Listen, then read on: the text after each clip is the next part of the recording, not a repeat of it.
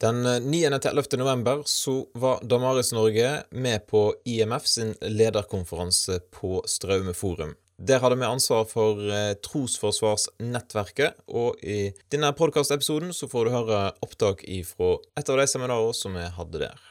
Og det første temaet, det vi altså skal i gang med nå, det er eh, stort. Jeg tror det er veldig viktig, eh, og det er vanskelig. Og så har jeg avtalt med Kjetil at uh, jeg, jeg, vet ikke akkurat hvor lenge jeg holder på. Vi får se litt. Uh, jeg er ikke så god til å planlegge det. Men det er jo lunsj uh, klokka ett er det lunsj. Og jeg kommer til å være ferdig før det. Det er mulig å komme med noen spørsmål og kommentarer før det. Men det er ikke sikkert det blir så kjempemye samtale før lunsj. Men etterpå vil det også være mulig. Og det betyr jo også at hvis noen av dere da gjennom lunsjen grunner på ting, eller dere snakker om ting, så, så er det mulig å ta tak i dette også etterpå. Men jeg tenker jo at eh, det dukker jo stadig nye spørsmål opp når temaet er kjønn og seksualitet. Jeg tror ikke det er noen av dere som så for dere for eh, ti år siden at eh, et av temaene ville være hva kristne bør mene om et tredje kjønn. Kanskje ikke for fem år siden. Nå har ikke jeg sjekket helt nøyaktig eh, på Google. det er jo der man sjekker ting. Når starta denne debatten om et tredje kjønn, eller debatt om juridisk kjønn? Men det er jammen ikke mange år siden. Mens Spørsmål om kjønn og kjønnsidentitet, om transpersoner, er jo blitt superaktuelt. Og mitt inntrykk er jo at det er mange kristne som er veldig usikre på hva skal jeg egentlig si om det. Og hva skal vi tenke om uttrykket seksuell orientering?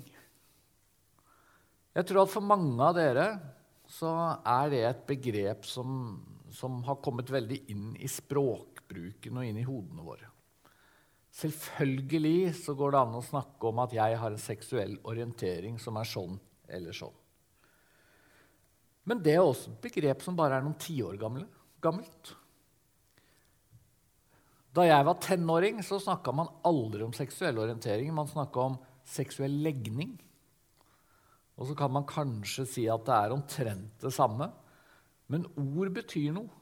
Hva slags merkelapp vi setter på ulike fenomener, hvordan vi prøver å sortere verden, har betydning. Og Jeg skal komme tilbake til litt om dette med, med hva mener vi egentlig når vi snakker om seksuell orientering, og hvordan bør kristne håndtere det spørsmålet. Og så er jo rammen for det som skal skje her nå, det er jo trosforsvar. Og og jeg tenker jo at det passer veldig bra å ha dette temaet på et nettverk for trosforsvar. For jeg tror det er mange av oss som har opplevd ganske nærgående spørsmål, ja, som har kjent behovet for å forsvare en kristen tankegang om seksualitet og kjønn. Men samtidig så er det noe vi må gjøre før vi begynner å forsvare oss. Og det, det er å finne ut hva skal vi forsvare hva er en god kristen måte å tenke om disse store spørsmålene på? Og jeg har en mistanke om at selv stødige indremisjonsforbundspersoner som dere har nytte av å kanskje bore litt dypere i hva slags ideologi, hva slags tankegang er det som former samfunnet vårt. Hvor ligger de store forskjellene mellom hva kristne tenker, og hva resten av samfunnet tenker? Så jeg kommer nok til å veksle litt mellom perspektivene her. Jeg ønsker å si noe til dere om hvordan vi kan forsvare en kristen tankegang. Men jeg har også lyst til å tenke litt høyt om hva er dypest sett en kristen tankegang? Hvor går de dype skillene mellom kristentro og det sekulære Norges tenkning? Og så kommer jeg til å begynne med seksualitet og bevege meg litt sånn over til spørsmålet om kjønn og kjønnsidentitet. Men aller først tenkte jeg skulle starte med dette spørsmålet. For det er i hvert fall aktuelt fra et trosforsvarssynspunkt. For det er mange som mener at dere kristne dere er jo altfor opptatt av å diskutere og snakke om sex og sette gren grenser for seksualiteten. Er det sant? Ja, nå er En av utfordringene ved å snakke om akkurat dette er jo at det er så stor forskjell mellom oss som er her. Og Spørsmålet om seksualitet og samliv det er et spørsmål hvor vi alle har vår historie, vår innfallsvinkel. Nå snakker jeg til en forsamling hvor det er noen som er unge, ugifte, noen som kanskje er nygifte. Så er det noen her som er single, kanskje har vært det mer eller mindre ufrivillig. Eller noen som er veldig happy med at de har levd som single et ganske langt liv. Så er det noen som er gift, noen som har vært det lenge. Og så skulle det ikke forundre meg om det er noen som er skilt. Eller noen som sitter og tenker at det burde jeg kanskje ha vært. Fordi at det er, det er ganske vanskelig på hjemmebane. Og det betyr jo at det å snakke som jeg skal gjøre nå, litt sånn generelt om seksualitet, om samliv, det er veldig vanskelig. Og Det betyr jo også at den type spørsmål og innvendinger du får, er jo formet av din livssituasjon. Og den er også formet av kjønnsperspektivet. De kommentarene jeg kan få, som f.eks handler om denne metoo-debatten, er jo helt annerledes enn den type kommentarer en kvinne i 30-årene 30 får. Men vi må prøve. Vi skal prøve å snakke om dette temaet, selv om vi altså må erkjenne at vi er veldig forskjellige. Og jeg tenker at det er en fare for at kristne oppfattes som altfor opptatt av samliv og seksualitet. Det er ikke bra hvis det er slik at når forkynnelse handler om synd, så handler det om sex. Og Jeg prøver faktisk å si det til meg selv at hvis jeg skal snakke om samliv og seksualitet og på en måte oppfattes som om jeg løfter pekefingeren, så er det problematisk hvis det virker som at de eneste syndene jeg er opptatt av, det er de syndene som faktisk ikke berører mitt liv i det hele tatt. Og det er kanskje det jeg syns er vanskeligst med å snakke om homofili. For jeg kjenner ikke på homofile følelser. Jeg har vært gift med en dame i snart 30 år. Og da kan det selvfølgelig se veldig lettvint ut å si at homofilt samliv er galt. De som kjenner på homofile følelser, de må, de må ikke gå inn i et homofilt forhold. For da snakker jeg jo ikke om noe som er et problem i mitt liv. Og Jeg tror det kan være en fare når vi snakker om samliv og seksualitet, at vi fokuserer på det som ikke er et problem i våre liv. Og så fremstår vi ganske selvgode og i verste fall direkte fordømmende. Og dessuten så fins det jo mange andre synder som Bibelen er opptatt av å løfte fram, enn de som handler om seksualitet og det sjette bud. For eksempel så står det masse advarsler i Bibelen om penger. Om problemet med pengekjærlighet, om det å elske mammon. Du kan ikke tjene både Gud og mammon, sa Jesus. Pengekjærlighet er roten til alt ondt, sa Paulus. Det er ikke småtteri. Roten til alt ondt.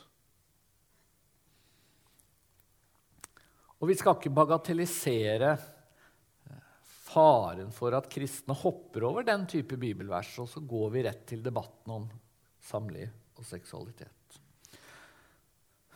Og samtidig Selvsagt er dette et viktig tema. Jeg tror ikke vi skal gå med på at nei, det, det som foregår på en måte under dynene i, på soverommet, nei, det trenger vi ikke å snakke om i kristen sammenheng. Jeg tror det er altfor lite tale om seksualitet i kirker og bedehus. Rett og slett fordi det angår alle sammen. Og Jeg har akkurat sagt at de av dere som sitter her, er i veldig ulike livssituasjoner. Men det betyr noe for alle sammen. Absolutt alle mennesker opplever utfordringer ved forelskelse, sex og samliv. Det er ingen, tror jeg, som bør rekke opp hånda nå og si nei, det gjelder ikke meg. Full kontroll. Ingen problemer. Og Det er også litt av problemet da, hvis jeg bare snakker om homofili, som altså ikke er et problem i mitt liv. For det fins utfordringer her, også i mitt liv. Det fins kanskje de som vil si, når de har vært gift i 27 år, som jeg har gjort, at det bare har vært en festreise. I mitt tilfelle blir det å ta munnen litt for full å håndtere spørsmål om forelskelse, seksualitet, samliv, familieliv, håndtering av svigermor, som i mitt tilfelle er litt gretten fordi jeg altså ikke er på hennes 75-årsdag i dag. Det er, eh, det er noen utfordringer for oss alle på dette området.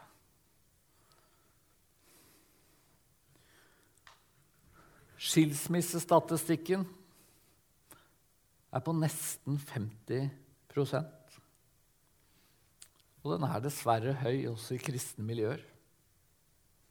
Selvfølgelig er dette noe vi må snakke om. Samliv. Hvordan få til gode, holdbare samliv. Vi lever i en tid hvor pornografi er en milliardindustri og hvor pornografi er mer tilgjengelig enn noen gang. Og det er altså ikke slik at jeg er en ganske stor profet når jeg nå påstår at en del, ikke minst, av menn her under 60 syns at det å kjempe mot pornografien i sitt eget liv er kjempevanskelig. 11% av norske menn kjøper sex. Jeg håper ikke det er et særlig problem i kristen sammenheng, men det er et samfunnsproblem.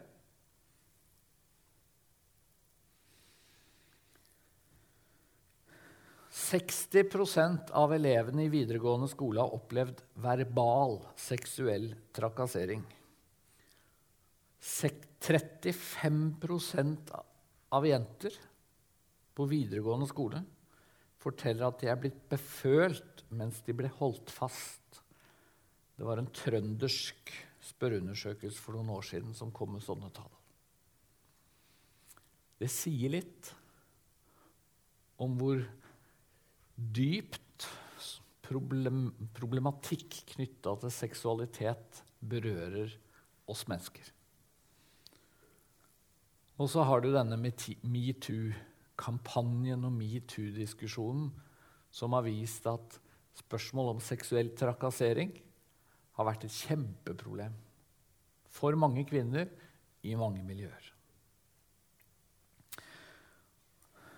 Og når, når dette er litt av bildet, når dette er litt av situasjonen Og vi lever altså i et samfunn som er svært sexfokusert og Du kan jo bare gå inn på Narvesen i dag og sjekke avisene og forsidene på ukeblader.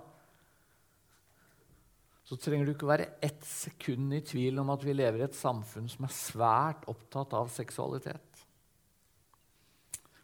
Så er det klart at kristne vi må jo ærlig talt få lov å komme med våre perspektiver.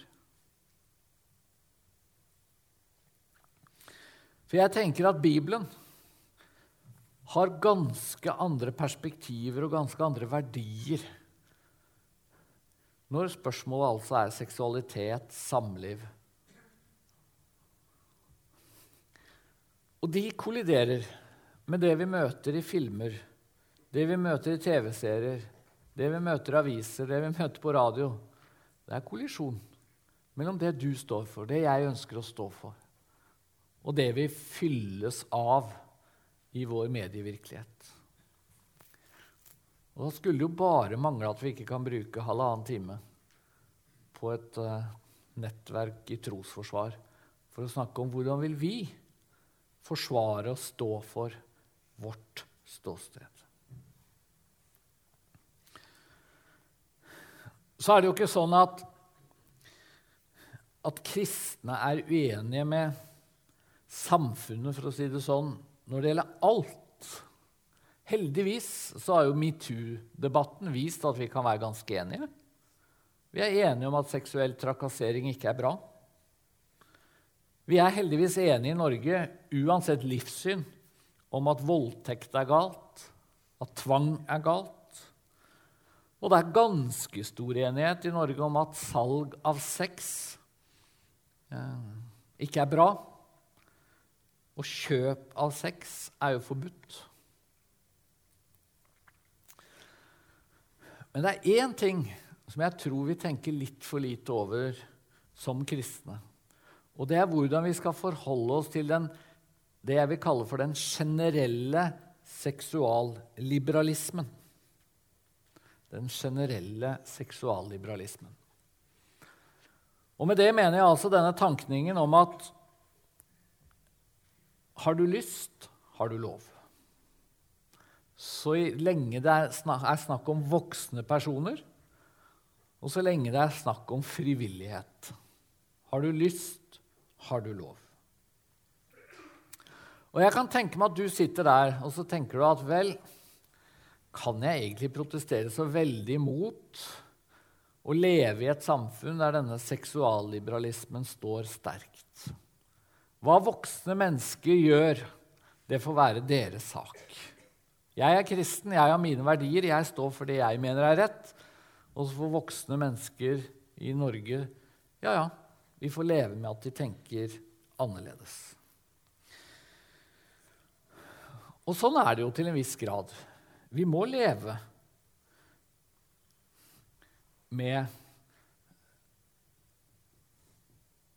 det faktum at vi lever i et samfunn hvor folk tenker veldig annerledes enn oss. Men har du tenkt over at denne seksualliberalismen den kan ramme deg? Den kan ramme meg. Direkte og indirekte. For at i liberalismen, altså liberalismens motto, det er omtrent sånn Min frihet slutter der din frihet begynner. Min frihet slutter der din frihet begynner. Og det høres jo egentlig greit ut. Folk får få lov å gjøre hva de vil så lenge det ikke rammer meg. Men problemet er at at det folk gjør, det påvirker andre mennesker på et eller annet vis uansett. Eksempel hvis samfunnet er enige om at, at dette mottoet 'har du lyst, har du lov' er på en måte et greit utgangspunkt, så må vi også akseptere at hvem som helst prøver seg på hvem som helst. Hvis jeg skal leve i et samfunn hvor eh, seksualliberalismen har på en måte vunnet, og hvor det å ha et kristent perspektiv blir et mindretallssyn, ja, så må jeg leve med at når kona mi går på julebord, så er det liksom greit at hvem som helst prøver å sjekke opp henne.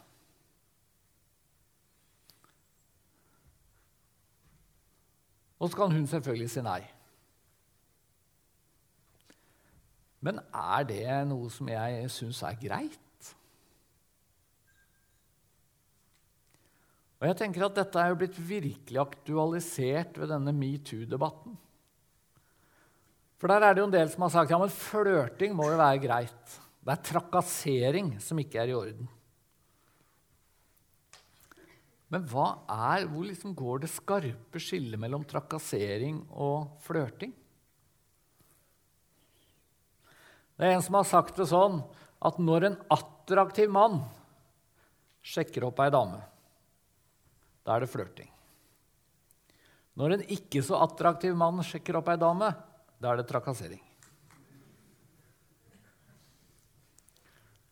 Det er et eller annet sant i det, tror jeg. Og jeg har jo møtt en del kvinner som sier at eh, menn kan komme bort, og de anstrenger seg tydeligvis for å være så sjarmerende de bare kan. Men det oppleves likevel ubehagelig. Og jeg har møtt noen damer som sier at en av grunnene til at det er godt å jobbe i kristen virksomhet, det er at du vet du blir ikke sjekket opp når det er kurs, eller når det er seminar, eller når det er julebord. Så det å leve i en, i en verden der denne seksualliberalismen står temmelig sterkt, det er ikke så enkelt for oss kristne. Og jeg tenker kanskje særlig på det som far.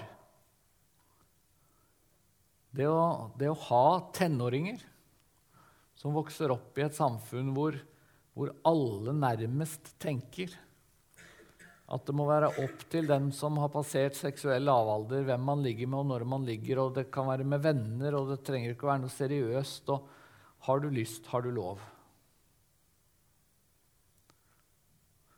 Det å da stå for noe annet er temmelig vanskelig.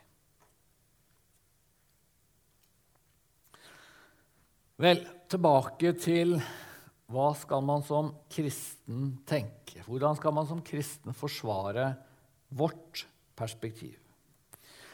Jeg tenker at Bibelen har ett bud.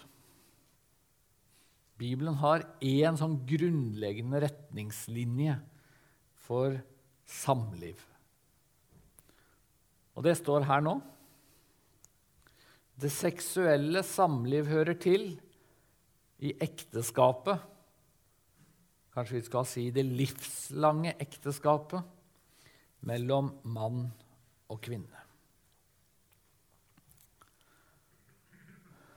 Og Det betyr at utenfor denne rammen, utenfor ekteskapet mellom mann og kvinne, så er det galt å gå inn i et seksuelt samliv. Sex utenfor dette ekteskapet er synd eller hor, som gjerne er et begrep som Bibelen bruker. Og For meg så er det blitt veldig viktig, ikke minst i et trosforsvarsperspektiv, å si at det er bare ett bud som vi alle må forholde oss til. For vi hører ganske ofte mennesker som sier at ja, men homofile de eh, utsettes for en slags ekstra diskriminering. Fordi at Hvis man er heterofil, da kan man få lov å gifte seg. Men hvis man er homofil, ja, da får man ikke lov. Og jeg tenker at Det er å snu på saken. For Bibelen skiller ikke sånn mellom ulike seksuelle orienteringer eller ulike seksuelle følelser. Bibelen er opptatt av at det fins ett bud. Det seksuelle samlivet hører til i ekteskapet mellom mann og kvinne. Og hvis du ikke lever i et ekteskap med en kvinne hvis du er mann, eller med en mann hvis du er kvinne, ja, da er alternativet å leve i sølibat, leve som singel, vente eller avstå fra et seksuelt samliv. Og så sier ikke jeg at det er enkelt og lettvint. Men jeg sier at det blir feil å si at homofile møtes med et slags ekstrabud. Det fins én, ett bud, som gjelder oss alle. Hvor finner vi så dette budet? Hvor står dette i Bibelen? Ja, det står jo i altså, Setningen jeg har satt opp på tavla der, den finner du ikke direkte. Det er en slags sammenfatning av hva en rekke tekster i Bibelen sier om sex, samliv og ekteskap. For eksempel så finner vi ordet hor i Bibelen over 100 ganger. Jeg sjekka Norsk bibel, denne 88-utgaven, og der finner vi begrepet 106 ganger. Og Hvis man da går igjennom disse gangene hvor Bibelen sier at noe er hor, ja, så finner vi ut at, at da stemmer det som står her. At hor er seksuelle handlinger som foregår utenfor ekteskapet mellom mann og kvinne. Det kan være utroskap. Det kan være sex før ekteskapet. Det kan være homofilt samliv. Det kan være litt ulike ting.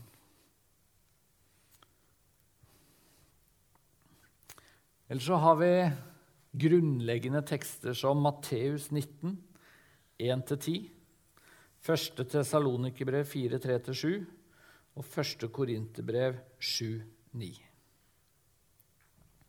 Vi skal ikke gå gjennom alle disse tekstene, men det er tekster som hvis vi ser dem sammen, ser ting i sin helhet, så får vi veldig tydelig beskjed om at Guds plan for seksualiteten er at vi skal leve den ut i ekteskapet mellom mann og kvinne.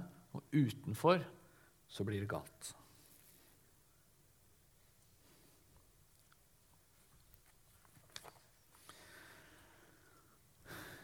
Jeg tenkte jeg skulle gå til noe av det jeg syns er aller viktigst å tenke igjennom. Og det er hva er egentlig mest spesielt, mest særegent eller typisk for kristen samlivsetikk?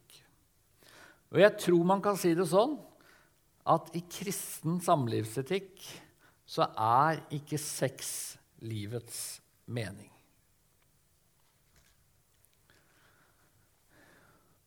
Og jeg tror at vi faktisk lever i en tid, i et kulturklima, hvor seksualiteten gjøres omtrent til livets mening. I hvert fall i kombinasjon med den store kjærligheten. Og Jeg syns dette er viktig, fordi jeg tror det fort er slik at, at, når kristne blir bedt om å forklare du, hva er egentlig forskjellen på, på, hvordan dere kristne tenker om disse spørsmålene, og hvordan resten av samfunnet tenker, ja, så havner vi først fort i disse enkeltspørsmålene. Da blir det fort enten et spørsmål om homofili eller sex før ekteskap eller vårt syn på samboerskap eller et eller annet slikt. Og så tenker jeg at det er en ulempe. Fordi forskjellene mellom kristen tenkning om samliv og resten av samfunnet er mye mer grunnleggende. Jeg tror det handler om dette. At mens resten av samfunnet sier at skal du bli lykkelig, skal du leve et ordentlig godt liv, så må du selvfølgelig leve ut dine seksuelle behov. Er du homofil, så må du selvfølgelig gå inn i et homofilt samliv. Er du ikke gift, så må du selvfølgelig finne andre måter å leve ut din seksualitet på. Mens i kristen sammenheng så er kjærlighet livets mening. Og det er altså noe annet enn den store kjærligheten og det heftige sexlivet. Livets mening, det er å elske Gud og medmennesker. Uavhengig av om du lever i et parforhold. Og det å oppleve kjærlighet, dyp kjærlighet, det kan du altså gjøre uavhengig av sivilstand. Det er ikke slik at bare de som har inngått et ekteskap, opplever stor kjærlighet. Som kristen kan du oppleve det selvfølgelig i møte med Gud. Men du kan også oppleve kjærlighet i mange andre relasjoner som ikke handler om parforhold.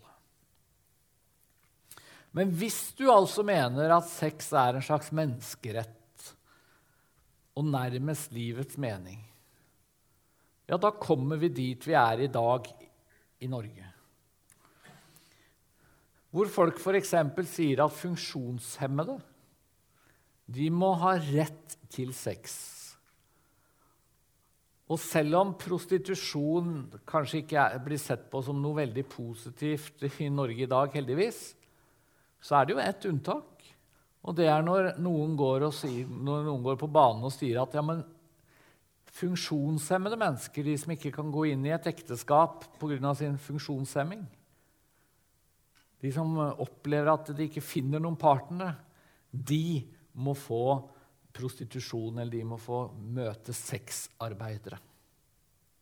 Og Det har vært flere medieoppslag de seinere år hvor denne underliggende tanken er seksual sex er en rettighet, og staten må stille opp. Det er umenneskelig å leve uten eh, et seksuelt forhold. Og så lever vi også selvfølgelig i et samfunn i dag hvor folk som har opplevd to ekteskap og tre samboerskap, eh, står fram og sier at de på ingen måte har mistet troen på den store kjærligheten. Det er jo oppslag i mediene gang på gang om han eller hun som endelig har funnet lykken igjen. Og så tenker jeg at ut ifra kristen tankegang så er jo spørsmålet om gjengifte og Det er noe av det vanskeligste jeg vet sånn etisk. Jeg skal ikke bringe det opp her som et stort tema. Men det er mange problemer knytta til det å si at det er alltid mulig å starte med blanke ark og starte på nytt.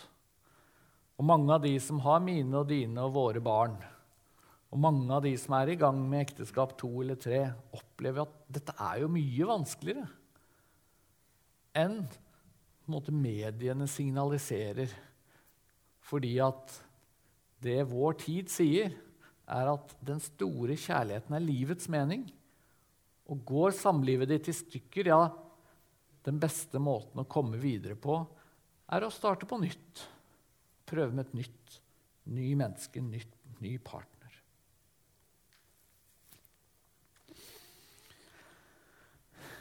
De siste årene har jeg blitt kjent med ganske mange eh, kristne homofile. De fleste av dem lever vel som single. Noen har fortalt om endringer i livet som gjør at de har kunnet gå inn i et ekteskap med en kvinne. Men en av disse, som jeg møtte for noen måneder siden, heter Ed Shaw. Han er en engelsk prest homofil engelsk prest. Og Han sa en setning som står her nå, som jeg har tenkt utrolig mye på. Han sier det sånn We are living in a sex-obsessed world in a marriage-obsessed church. Altså, vi lever i, et, i en sexfokusert eller sexbesatt tid. Og i et ekteskapsbesatt eller ekteskapsfokusert, overfokusert kirke. Og han vet nok hva han snakker om. Singel, mann, rundt 40 år, homofil. Opplever at det å gå inn i et ekteskap med en kvinne ikke er noen mulighet i hans situasjon innstilt på å leve etter Bibelens ord, leve som singel. Og så sier han at noe av det som gjør dette veldig vanskelig, det er at kirkene og kristne er så utrolig opptatt av ekteskap. Av hvor viktig og hvor godt og hvor flott det er å leve i et ekteskap. Nå, det, nå, skal jeg virkelig passe meg da, for å stå her og, og snakke altfor varmt om sølibatet og hvor lett det er og, og, hvor godt det er å leve som singel. Én uh, ting er at jeg har ikke så veldig troverdighet. Jeg var 20 år når jeg gifta meg. En annen ting er at kona mi kan jo bli uh, litt gretten Eh, hvis jeg fremstiller singellivet som en større velsignelse enn en det livet jeg selv lever nå. Men jeg tror dette virkelig er noe å tenke over. at vi kan stå i fare for å si det samme som resten av samfunnet om seksualitet og samliv, nemlig at ingenting er viktigere for å få et godt liv. Og så er den eneste lille forskjellen at vi sier 'men vent til ekteskapet'. Mens resten av samfunnet sier 'kjør på, har du lyst, har du lov'. Men kanskje skal vi ta et steg eller to tilbake og si at ekteskapet er flott. Ekteskapet er noe Gud har skapt. Men du kan leve et fullverdig liv, et godt liv, et meningsfylt liv, selv om du lever som singel.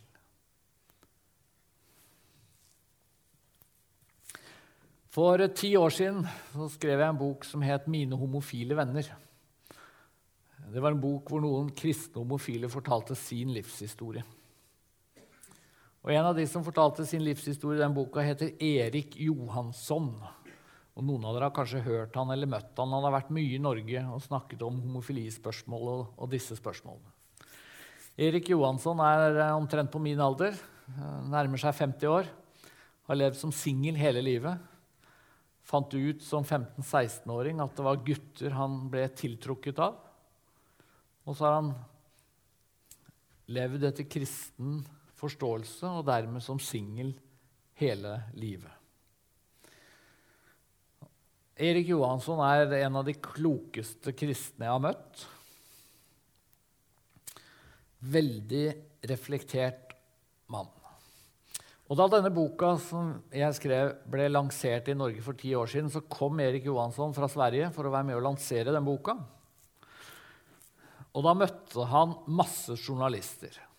Og Da kom det også journalister fra NRK og Aftenposten og Dagbladet og litt forskjellig. Og De syntes tydeligvis det var utrolig spennende å møte denne mannen som var homofil, men ikke ville leve i et homofilt forhold. Det syntes de var ordentlig rart.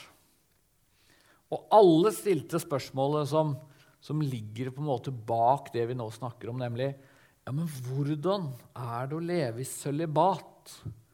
Litt sånn underforstått, er ikke det helt forferdelig?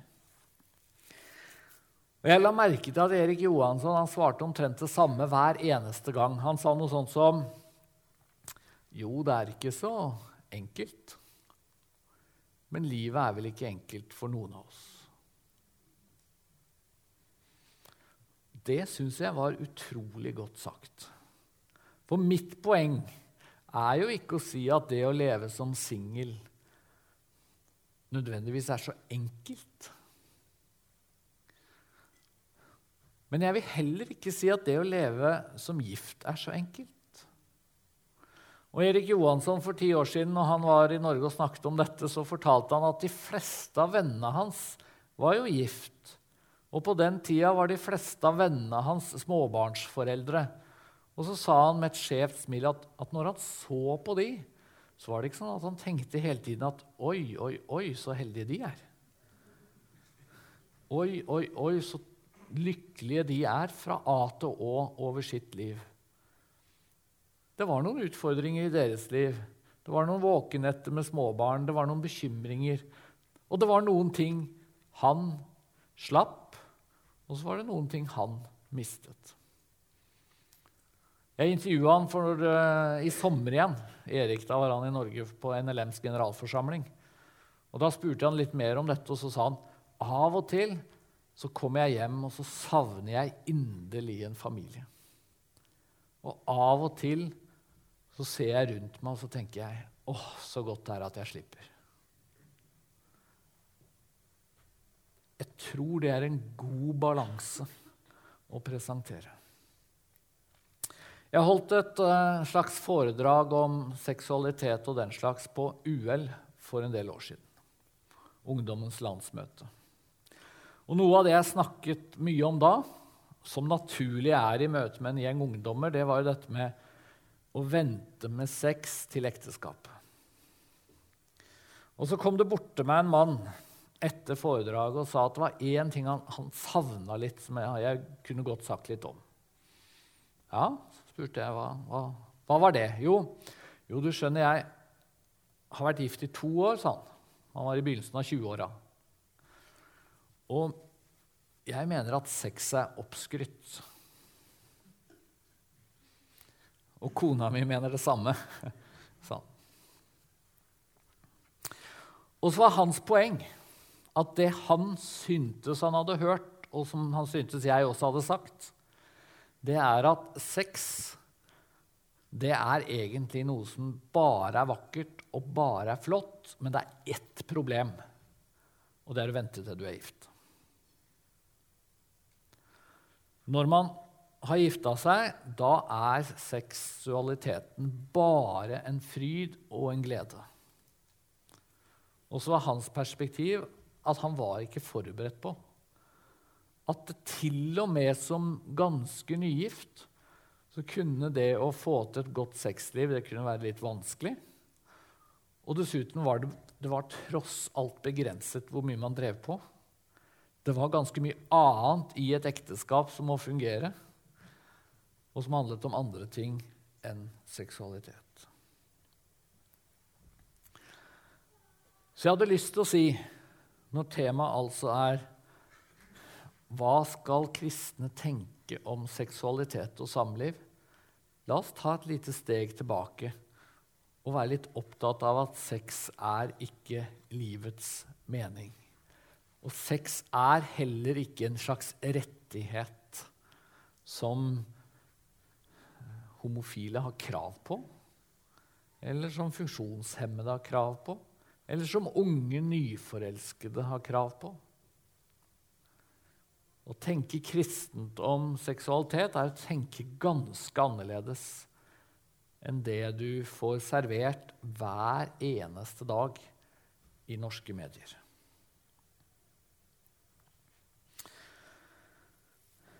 Så tenkte jeg vi måtte gå i gang litt med spørsmål om kjønn og kjønnsforskjeller. Og Da er det viktig å si at denne formuleringen 'til mann og kvinne' den er viktig i Bibelen. Ja, Det er faktisk en rød tråd. Vi møter den i første Mosebok. Der står det at Gud skapte oss til mann og kvinne. Og Jesus han henviser til første Mosebok når han snakker om ekteskap. I Matteus 19. Har dere ikke lest at han som skapte dem fra begynnelsen, skapte dem til mann og kvinne? Og så kan man jo da spørre seg ja, men hva betyr dette konkret? Hva betyr det at Gud har skapt to ulike kjønn? Og det er, det er ganske mange kontroversielle spørsmål å gå inn i når vi skal snakke om disse kjønnsforskjellene. Man kan snakke om uh, kvinnelige prester. Man kan snakke om underordning i ekteskapet. To typisk teologiske temaer. Man kan snakke litt om likestilling generelt. Man kan snakke om foreldrepermisjon eller fødselspermisjon. Det er jo debatter hele tiden om det skal være likestilling mellom far og mor, om fødselspermisjon skal todeles eller tredeles. Og jeg vil tro at kristne også innimellom er uenige i slike spørsmål.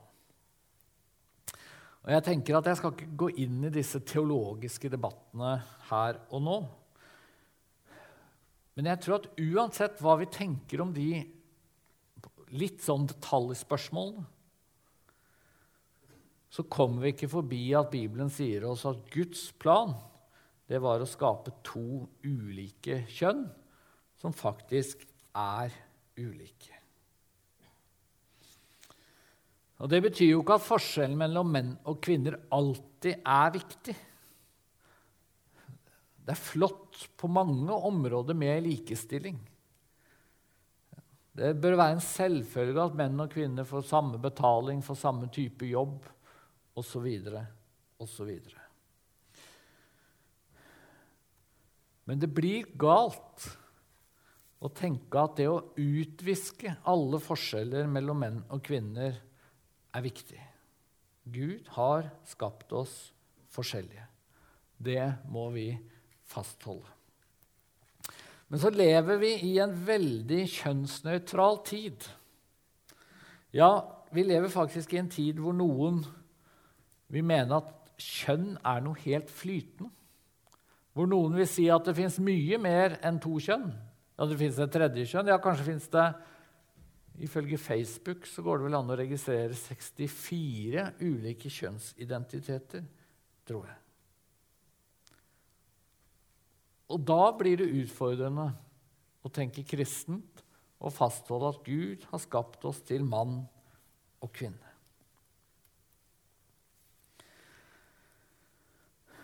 Jeg syns det er viktig å fastholde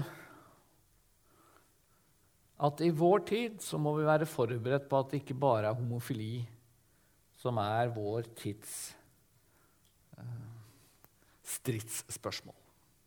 Det er noe vi har vært vant til egentlig de siste 20 åra. At det, det, det, store spørsmålet når temaet er kjønn og seksualitet, det er homofili. Men nå ser det ut til at vi går inn i en tid hvor, hvor det blir enda tydeligere at det å tenke kristent om at Gud har skapt oss til mann og kvinne, selv, selv bare det, er veldig kontroversielt. Men så fins det en sammenheng her mellom disse spørsmålene.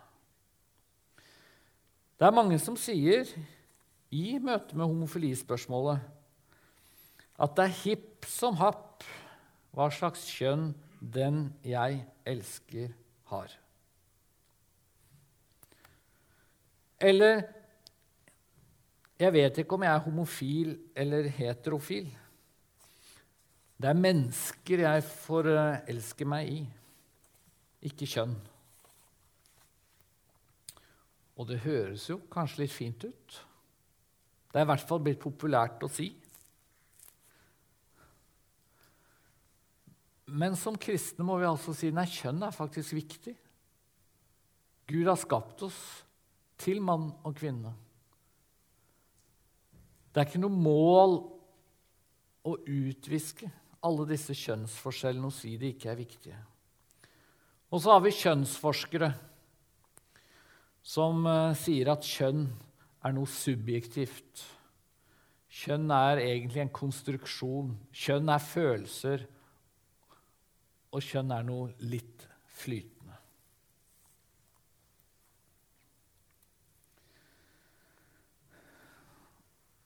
Vi lever altså i en kjønnsnøytral tid.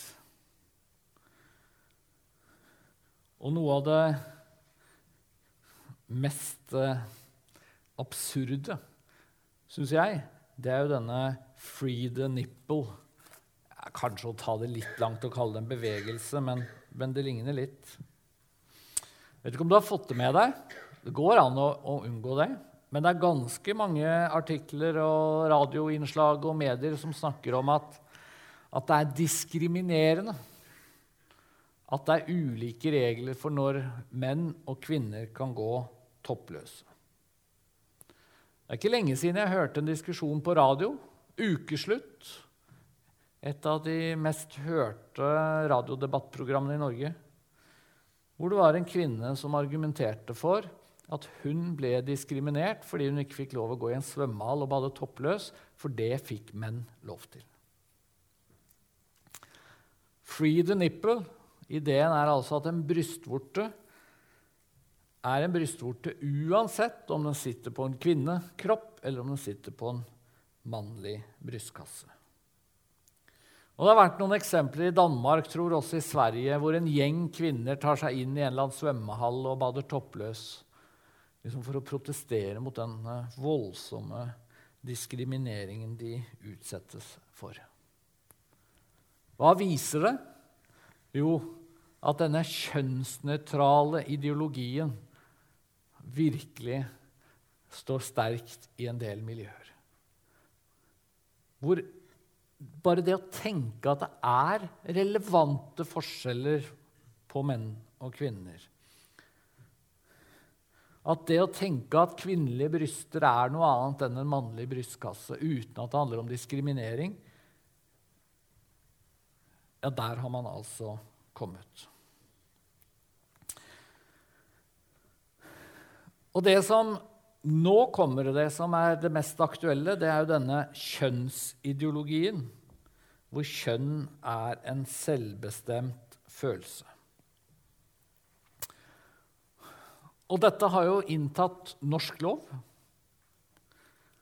Og det gjør det kanskje ekstra utfordrende da, å stå for en kristen tankegang om kjønn. Fordi norsk lov sier noe ganske annet enn det vi vil tenke om kjønn. Regjeringen har innført en lov hvor det å endre juridisk kjønn det er noe hvem som helst kan gjøre, bare ut fra hva man føler, og hva slags skjema man har lyst å fylle ut. Jeg kan altså, og du kan, men jeg kan holde meg til meg selv Jeg kan altså gå på skatteetaten, av alle ting så er det der det skjer, tror jeg. Jeg kan gå på skatteetaten og fylle ut et skjema hvor jeg ber om nytt kjønn. Da må jeg vel, tror jeg må skifte navn. Det er ikke lov å være kvinne og hete Espen, så da må jeg gå for Ester eller et eller annet slikt. Og så må jeg altså sende inn det skjemaet. Og jeg kan fortsatt ha skjegget mitt. Jeg trenger ikke å ta en eneste hormontablett. Jeg trenger ikke å gjøre noe med klesstilen min. Jeg trenger ikke å snakke med en psykolog eller en psykiater. Ingenting. I løpet av noen få uker så blir ting endret i eh, folkeregisteret. Jeg får et nytt pass, nye papirer.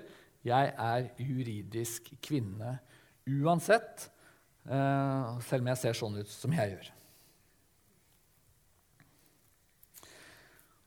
Og det mest interessante av alt blir jo da at hvis jeg hadde registrert meg som juridisk kvinne, så kunne jeg selvfølgelig fortsatt og levd med min kone.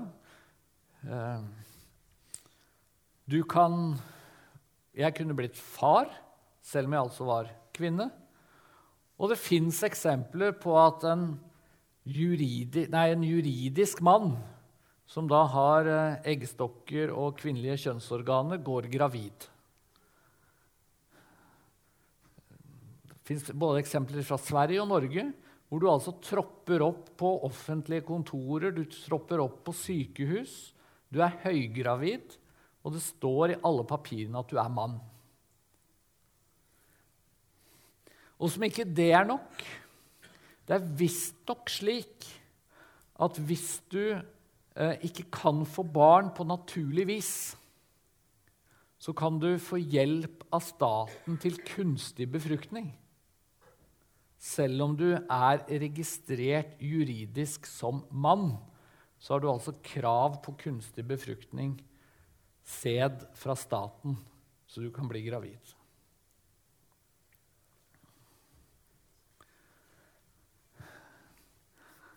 Og det var en som sa til meg at det, problemet med, med, dette i vår tid er ikke at staten prøver å hjelpe mennesker som har kjønnsforvirring. Men nå, nå driver staten og skaper kjønnsforvirring med sitt lovverk.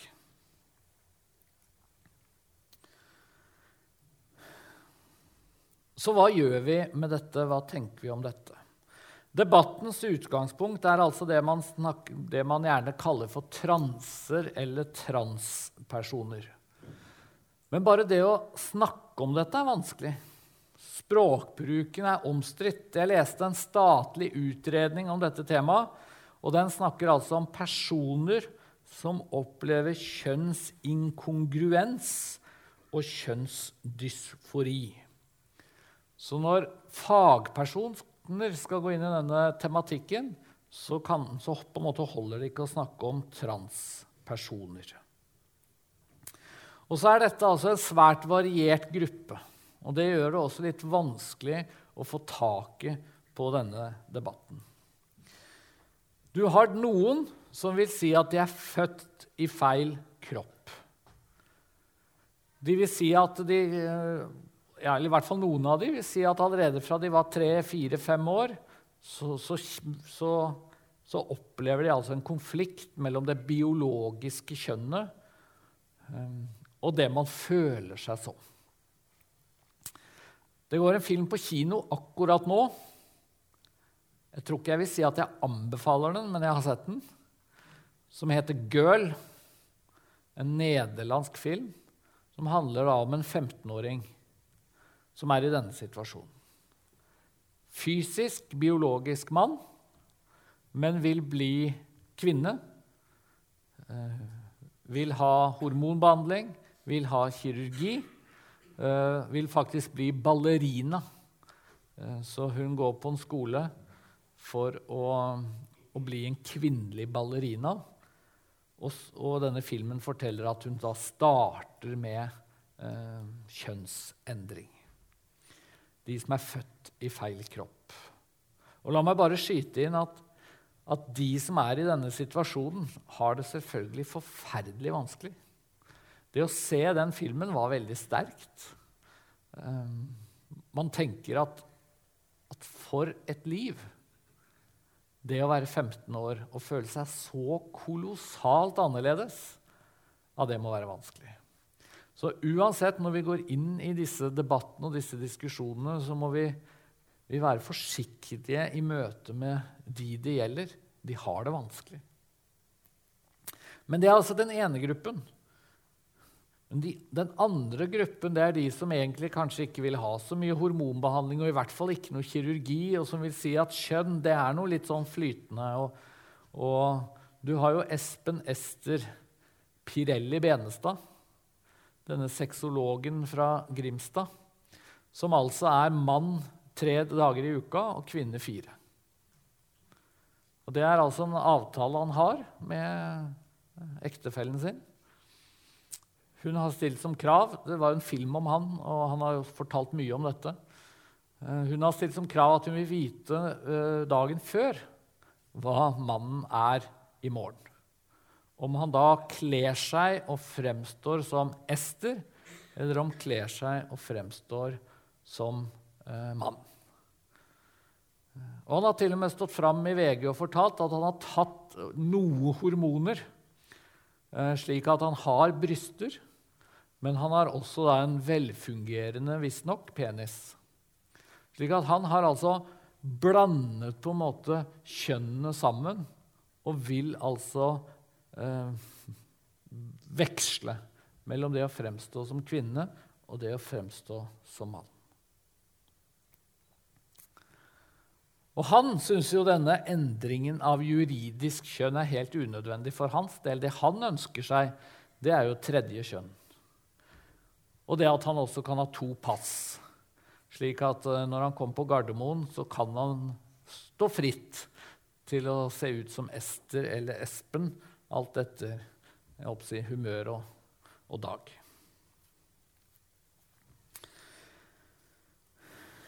Så hvordan bør, bør, kristne forholde seg til denne debatten? Hva bør vi tenke om transpersoners situasjon? Skal vi si at det er synd å skifte kjønn? Sier Bibelen noe om dette. Jeg syns det, det, det, er vanskelig å, å, snakke om disse temaene. Fordi det er også en blanding mellom eh, legevitenskap, psykiatri, ideologi, og så skal vi selvfølgelig la Bibelen avgjøre. Men jeg har lyst til å si noen ting litt sånn kort og det første er at Dette er jo mennesker som er skapt i Guds bilde, og det er en sårbar gruppe. Og vi må passe oss for at hvis vi bruker sterke ord, så må det være om samfunnets kjønnsforståelse, politikernes bestemmelser, og ikke de personene som har det helt klart vanskelig. Og så kan vi ikke som kristne gå med på å tenke at kjønn er en konstruksjon, eller at kjønn per definisjon er noe flytende.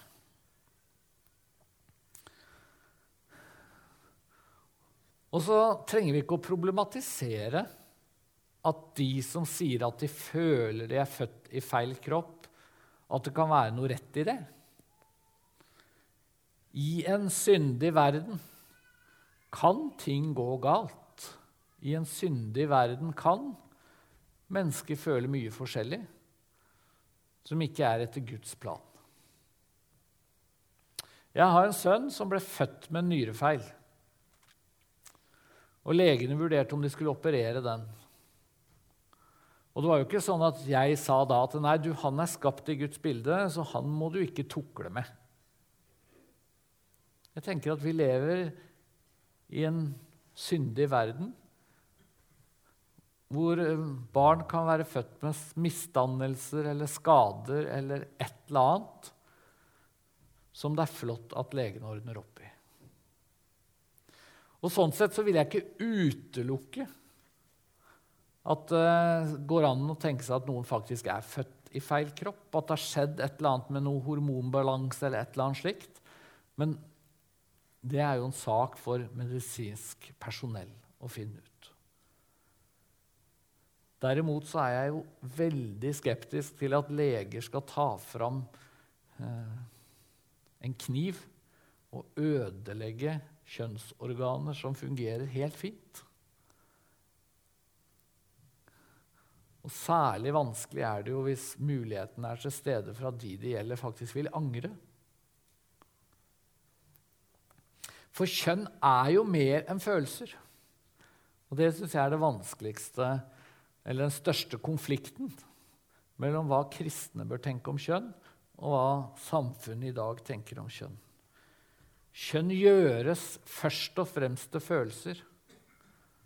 Og Derfor kan du altså skifte juridisk kjønn bare ved å fylle ut et skjema.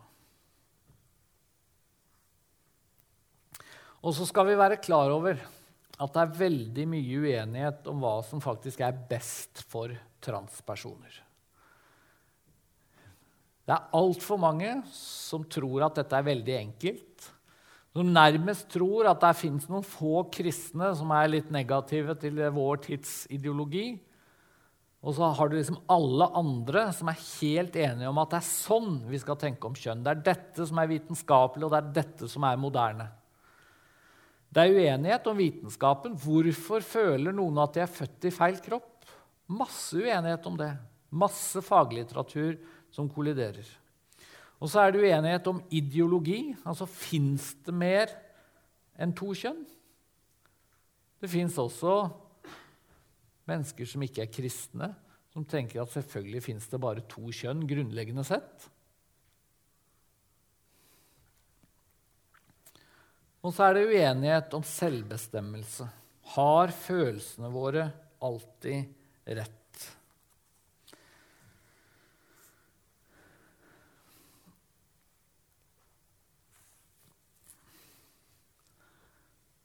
Nå tenker jeg Noe av det vi i hvert fall kan gjøre som kristne, det er å ikke lage for stramme regler for hva det vil si å være en gutt, og hva det vil si å være en jente. Jeg tenker i hvert fall at hvis jeg møter et menneske som sier jeg lurer på om jeg er født i feil kropp, så må i hvert fall det første man sier, er at ja, men kanskje du er en litt feminin gutt. Det er ikke noe galt i det. Eller kanskje du er ei guttejente. Ikke noe galt i det heller. Jeg syns at noe av det mest tragiske med denne debatten, det er jo hvis ei guttejente som liker å spille fotball og klatre i trær og syns Barbie er ganske uinteressant. Hvis den jenta istedenfor å tenke at sånn er jeg, og jenter er litt forskjellige, og det er gutter òg, så må man begynne å stille spørsmålet er jeg født i feil kropp. Er det noe som er gått galt? Bør jeg begynne med hormonbehandling?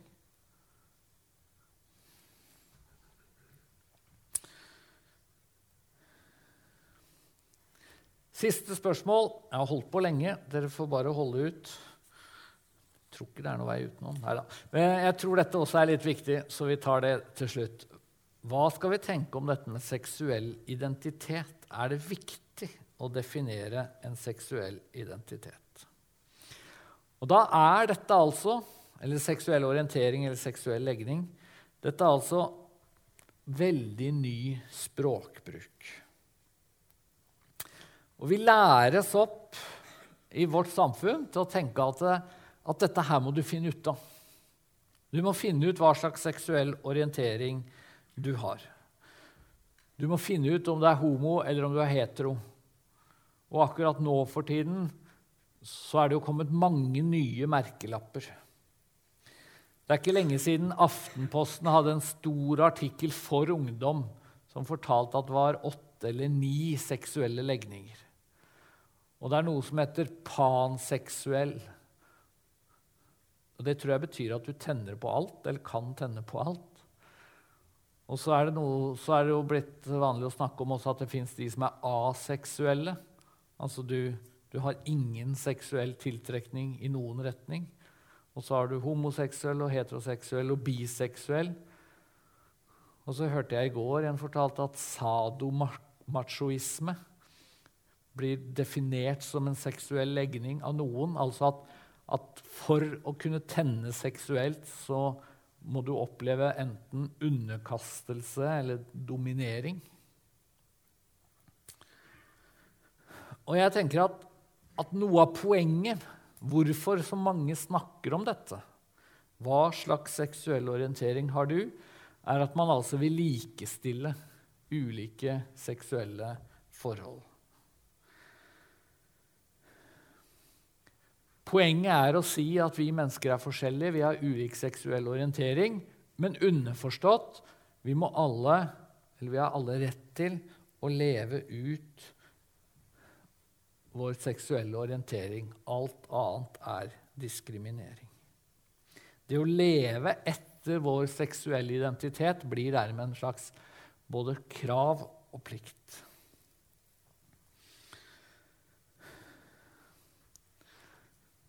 Jeg tenker at det sikkert fins mye mer enn to legninger eller orienteringer eller identiteter. Det fins mye mer enn heterofili og homofili. Rett og slett fordi at eh, ethvert menneskes seksualitet er forskjellig. Og Jeg tror faktisk dette er også et poeng i møte med homofilidebatten. For litt av liksom, ideen i homofilidebatten har jo vært at heterofile får lov å eh, gifte seg. Da må jo også homofile få lov å gifte seg. Da driver vi ikke med diskriminering. Men hvis det fins mer Og det er jo ingen tvil om at det fins biseksuelle personer, folk som kan kjenne seksuell tiltrekning både til menn og kvinner. Hva slags rettighet skal de ha? Og I dag så er det jo en del som sier at ja, de må jo få lov til, hvis de ønsker det, å f.eks. gifte seg i et større på en måte i et utvida ekteskap. Det er lagd en uh, organisasjon her i Norge som heter Poly Norge. En forening for såkalt polyamorøse. Altså de som kan elske eller vil elske mer enn én i en trofast setting, altså å være gift med eller ha forhold til mer enn én person. Og For noen handler dette om en legning. Noen er, har en, på en måte en monogam legning, andre har en polygam legning, eller polyamorøs legning. Og egentlig gir det veldig mening hvis du tenker at ethvert menneske har lov til å leve ut sin seksuelle orientering. Det skal staten sørge for, ellers diskriminerer man. Så gir det jo god mening å si at ja, da må jo to menn og to kvinner som ønsker å leve sammen i et ekteskap, får lov til det.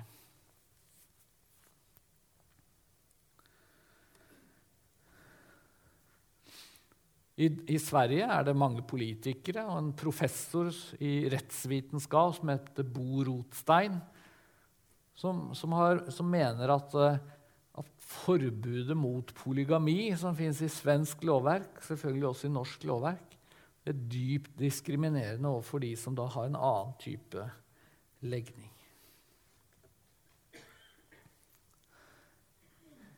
I England var det en skandale for noen år siden. Det var det en politiker som var gift med en kvinne, en mannlig politiker gift med en kvinne hadde flere barn, som eh, på en måte ble tatt på fersken av med, av engelske medier fordi han dro til Nederland og kjøpte sex av en mannlig prostituert. Og hans forsvar var at han levde bare etter legningen sin. Han var biseksuell, og han var enig med kona om at dette var den beste måten for dere å leve på. Han levde da som en trofast familiemann i England, men hadde også et behov for å leve ut sin, sine seksuelle lengsler etter en mann i et homofilt forhold. Og så dro han da som sagt til Nederland for å gjøre dette.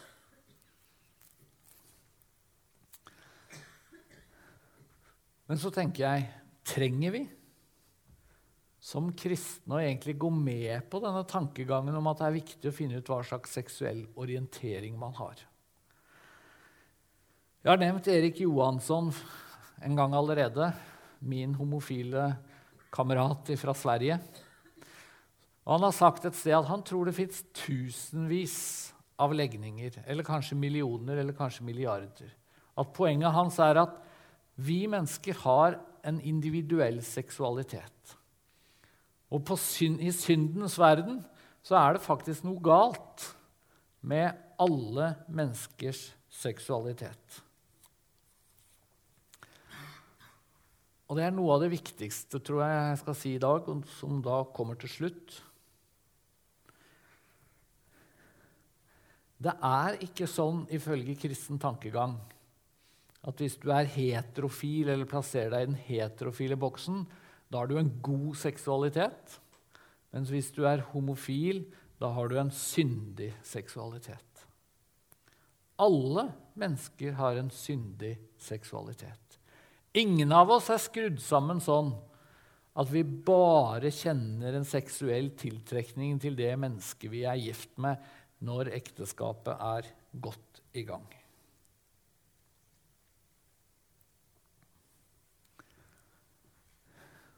Og Det betyr også at vi skal ikke se ned på mennesker som opplever eller kjenner på homofile følelser, homofil tiltrekning, og tenke at de står på, på et annet nivå enn de som kan si at 'jo, jeg er heterofil'. Og I tillegg så er det altså slik at menneskers seksuelle orientering kan endres er påvirket av miljøet vi lever i. En av grunnene til at homobevegelsen hvis man kan bruke det uttrykket, har på en måte vunnet en veldig seier i vår tid, er at den har klart å fremstille dette med seksuell orientering som noe så fastlåst at selvfølgelig må den som sier jeg er homofil, kunne gå inn i et forhold med, eller et homofilt forhold. Alt annet er jo diskriminering. Men jeg, jeg, tror jeg kjenner ti kristne homofile som kan fortelle at de har opplevd en endring i sin seksualitet i løpet av livet. Og Jeg sier ikke at det er noe alle kan. Jeg tror at For noen så oppleves seksualiteten ganske fastlåst. Og for andre så, så oppleves den flytende til en, altså til en viss grad. Og det underlige er jo at hvis folk går fra å være heterofil til å komme ut av skapet som homofil i vår tid, så møtes de av jubel og applaus. Men så går du motsatt vei. Hvis du sier at ja, 'jeg kjente på homofile følelser', 'jeg kunne ikke gifte meg med en kvinne', men jeg har fått bearbeidet det, jeg har funnet ut litt hva som lå bak, nå er jeg lykkelig gift', ja, da møtes man med ofte det stikk motsatte av applaus. Jeg runder av der, og så skal vi ta pause om bare noen få minutter. Men eh, vi, vi eh, åpner opp, gjør vi det? Vi rekker to spørsmål, f.eks. Ja. Vær så god. Takk for kommentar. Og, og jeg også har lest eh, akkurat det du påpeker, at eh, hvis man altså undersøker eh, barn som sier at de føler at de er født i feil kropp, og får oppfølging og behandling av det, så er det altså opp mot 80% eller rundt 80% som eh, som voksne lever helt fint med det kjønnet som de var født med.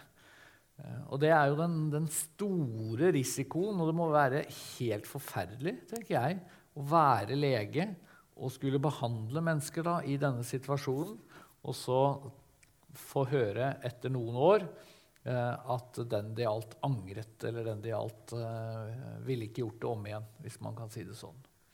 Og For noen år siden så, så jeg et program på TV, svensk TV-program som faktisk het Ångerarna, eller Angrerne på norsk. Et utrolig interessant program med to eldre Nå var de menn, men de hadde altså først vært menn, så skifta kjønn til kvinner, og så skifta kjønn tilbake igjen. Som fortalte en veldig sterk historie om at de hadde på en måte blitt lovd mer enn de enn var blitt holdt. De hadde gjennomgått kirurgi og hormonbehandling, men opplevde ikke at de falt til ro eh, i den eh, kroppen og den situasjonen de havna i. Og du har også helt rett i at det er jo en epidemi.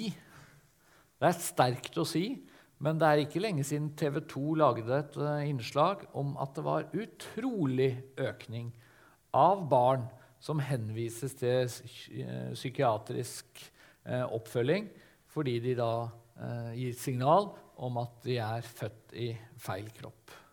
Og, jeg er ganske sikker på at her kommer pendelen til å svinge tilbake igjen. Men det er klart at hvis ideologien, som jeg akkurat har beskrevet, at ideologien er det du føler om ditt kjønn, er sant Hvis den legges til grunn, så blir det jo også umulig å være helsepersonell og møte den det gjelder, med et spørsmål ja, men er du så sikker på det. Så dette er en krevende problemstilling, og det skal bli veldig interessant å følge utviklingen. Et spørsmål til rekker vi hvis det var det. Ja, vær så god, Bjørn. Uh, i, uh, I, Tanzania så er homofili forbudt og straffa. Og nå har uh, myndighetene satt i gang og oppfordret til klappjakt og angiveri av homofile. Jeg, jeg ser for meg en del en del norske tenker sånn at dette er egentlig det Espen og de konservative står for i Norge. Å forby det, hindre friheten. Ehm, hva, hva, hva, svarer vi til dette her politiske utfordringen?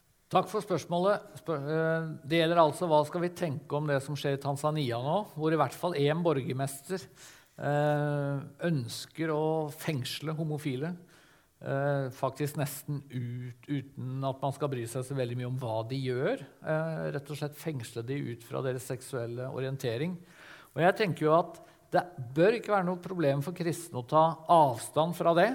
Fastholde en klassisk kristen seksualmoral. sier at homofilt samliv er galt, men sier at, at det å forby det, det å fengsle det, det å straffe det, det er rett og slett et, i strid med en kristen tanke om at vi kan ikke tvinge mennesker til å leve kristent. Uh, og jeg tenker jo at, at, Hvis man skulle gjort noe sånt, altså hvis man i Norge eksempel, skulle gått inn for å, å forby mennesker å leve homofilt, ja, da måtte vi jo tatt en del andre ting i første omgang. Vi måtte i hvert fall tatt utroskap.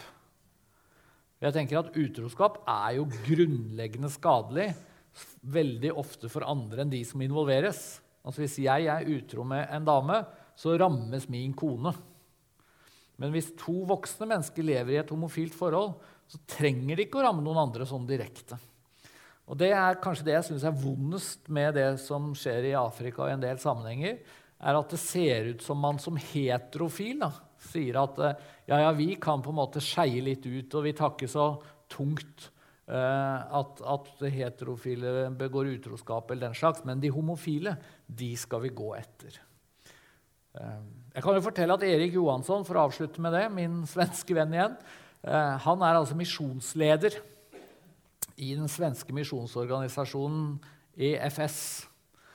Og Det betyr at han er en del i Tanzania, en del i Etiopia, en del, en del i disse afrikanske landene. Og han er altså homofil og møter disse kirkelederne der Eh, og forteller at han snakker veldig sjelden om sin situasjon, men han tar opp ofte i møte med kirkelederne viktigheten av å møte også homofile mennesker med omtanke, omsorg. Og de skal møtes med et kall til omvendelse, men ikke med straff og forfølgelse. Og vi har jo samarbeidspartnere. I NLM så har vi også kirkesamarbeidspartnere både i Tanzania, Kenya, Etiopia, en del av disse landene. Og vi tar det jo opp i samtaler. Eh, at vi, ikke, eh, at vi sterkt fraråder eh, straffeforfølging juridisk av homofile. Så fint at du nevnte det, for det er viktig at vi balanserer disse spørsmålene.